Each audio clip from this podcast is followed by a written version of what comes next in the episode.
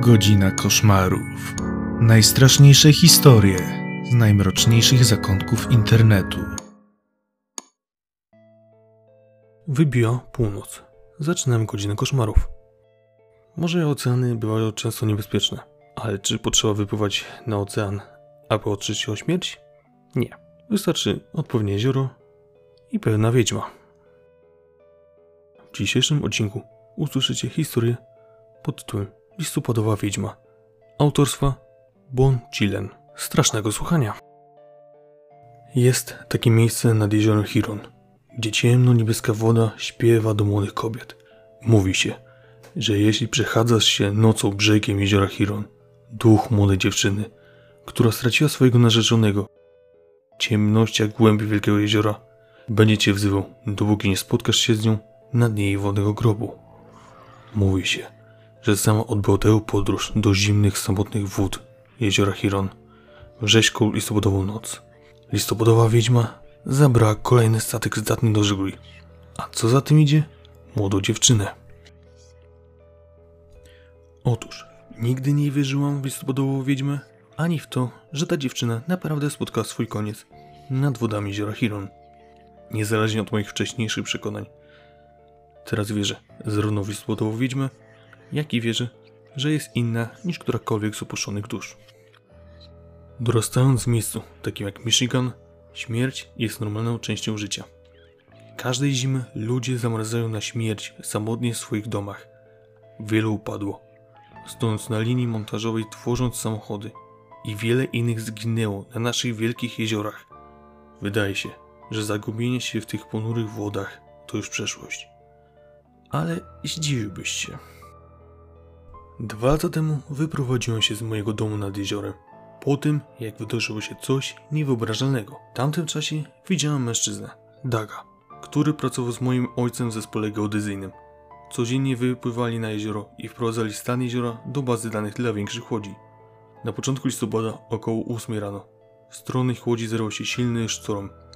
Rozpętała się burza, a pod koniec pozostała tylko nieużywana kamizelka ratunkowa i szalupa ratunkowa rozdarta przez falę na pół. Odeszłam, aby pogrzebać mój smutek w chwili i przygodzie. Dopiero gdy skontaktował się ze mną przyjaciel rodziny, prosząc, abym wróciła do domu, aby zaopiekować się mamą i młodszym rodzeństwem, wróciłam. Czas mnie zmienił, uczynił mnie silniejszą i mniej skupioną na sobie.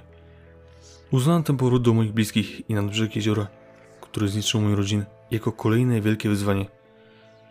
Gdybym tylko wiedziała, jakie to będzie wyzwanie. Moje dni były zupełnie inne niż przed wyjazdem. Wypełniłam je gotowaniem i sprzątaniem dla mojej rodziny. Pod koniec dnia siedziałam nad wodą, wpatrując się w jej pozornie nieskończoną głębię. Gdzieś, pomiędzy granicą wpatrującej się we mnie głębin, a brakiem większej mocy nadającej sens mojej stracie, zaczął się formować potwór. Potwór był smutkiem, nocnym płaczem wdowy, wzywającym swojego mężczyznę na wieki zatopionego w lodowatej wodzie. Był siłą, z którą walczyłam w zimny listopadowy poranek. Zbliżała się rocznica tragedii mojej rodziny, a ja położyłam maluchy wcześniej spać. Usiadła na brzegu, tym razem w towarzystwie mamy.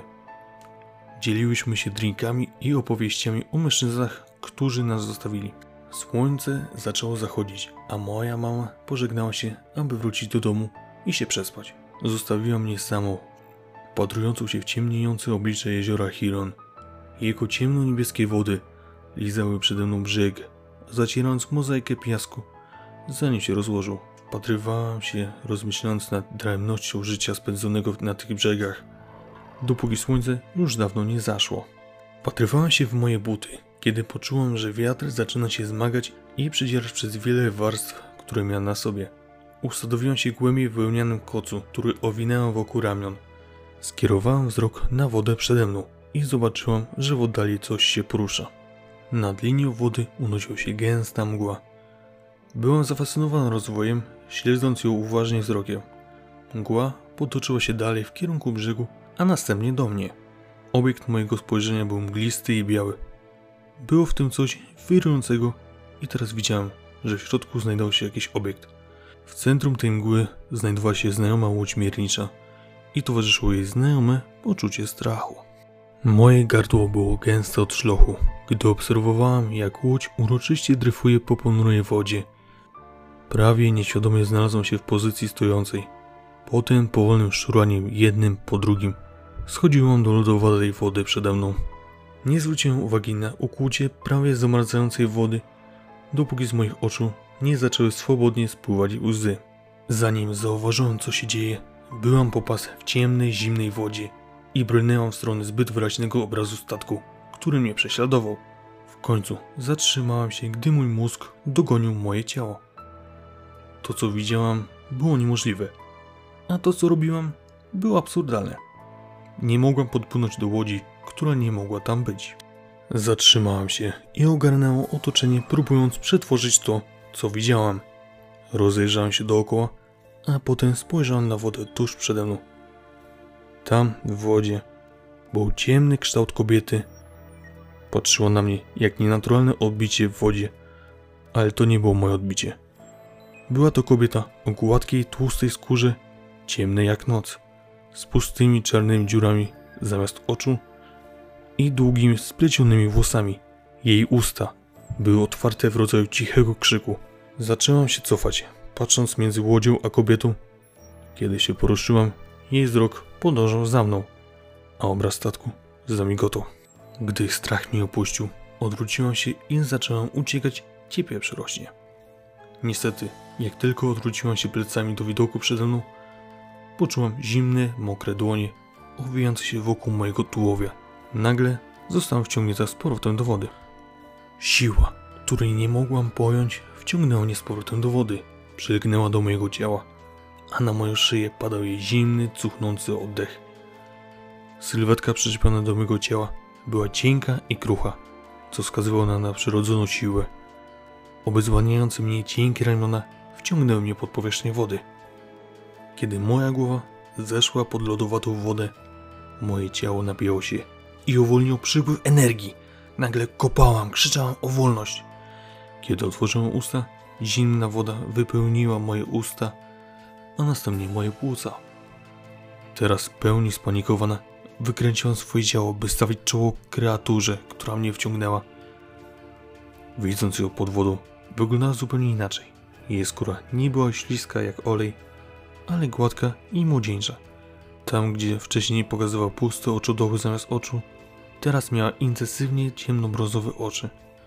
Włosy kobiety były również upięte w piękne czarne warkocze, które unosiły się wokół niej jak skrzydła anioła. Ubrana w czystą białą sukienkę, która wyglądała jakby była wyjęta prosto z podręcznika historii, przypominała anioła. Jednak jej twarz była wykrzywiona w masce nienawiści, gdy drapała mnie pazurami i nadal próbowała mnie wciągnąć głębiej. Poczułam zawroty głowy, gdy moje płuca błagały o litość i wiedziałam, że muszę działać. Kobieta znów przyłynęła, aby się ze mną zmagać, a kiedy to zrobiła, wcisnęłam palce w jej oczy. Naciskałem tak mocno, jak mogłam, jakbym wyciskała lód z tacy zamrażarki i usłyszałem dziwny trzask. Kobieta próbowała krzyczeć, ale pod wodą nic nie słyszałem. Odskoczyłam od niej i wypłynęłam na powierzchnię, łapiąc powietrze. Skierowałem się w stronę brzegu i zrzuciłam wełniany koc, który nosiłam ze sobą, żeby mnie nie przytrzymywał. Doczołgałam się desperacko do brzegu i wsadziłam palec do gardła, zmuszając się do wydalenia wody z jeziora. Kiedy poczułam, że odzyskuję pełnię możliwości, odwróciłam się, aby spojrzeć na scenę, którą zostawiłam za sobą. Nie było mgły ani statku, ale była tam ciemna, olista masa, z zagłębieniami na oczy, wbijającą się w moją duszę, głowa ledwo wynosząca się z wody. Wgramuliłam się do środka, dwukrotnie zamykając wszystkie drzwi i okna. Następnego dnia długo rozmawiałam z mamą o opuszczeniu tego miejsca i postanowiliśmy przenieść się w głąb lądu. Mam dość kontaktów z listopadową czarownicą. Po tej historii zastanawia mnie jedna rzecz. Kto się teraz odważy pojechać nad jezioro? A teraz, jedyne co mogę zrobić, to życzyć Wam słodkich snów, jeśli uda Wam się zasnąć.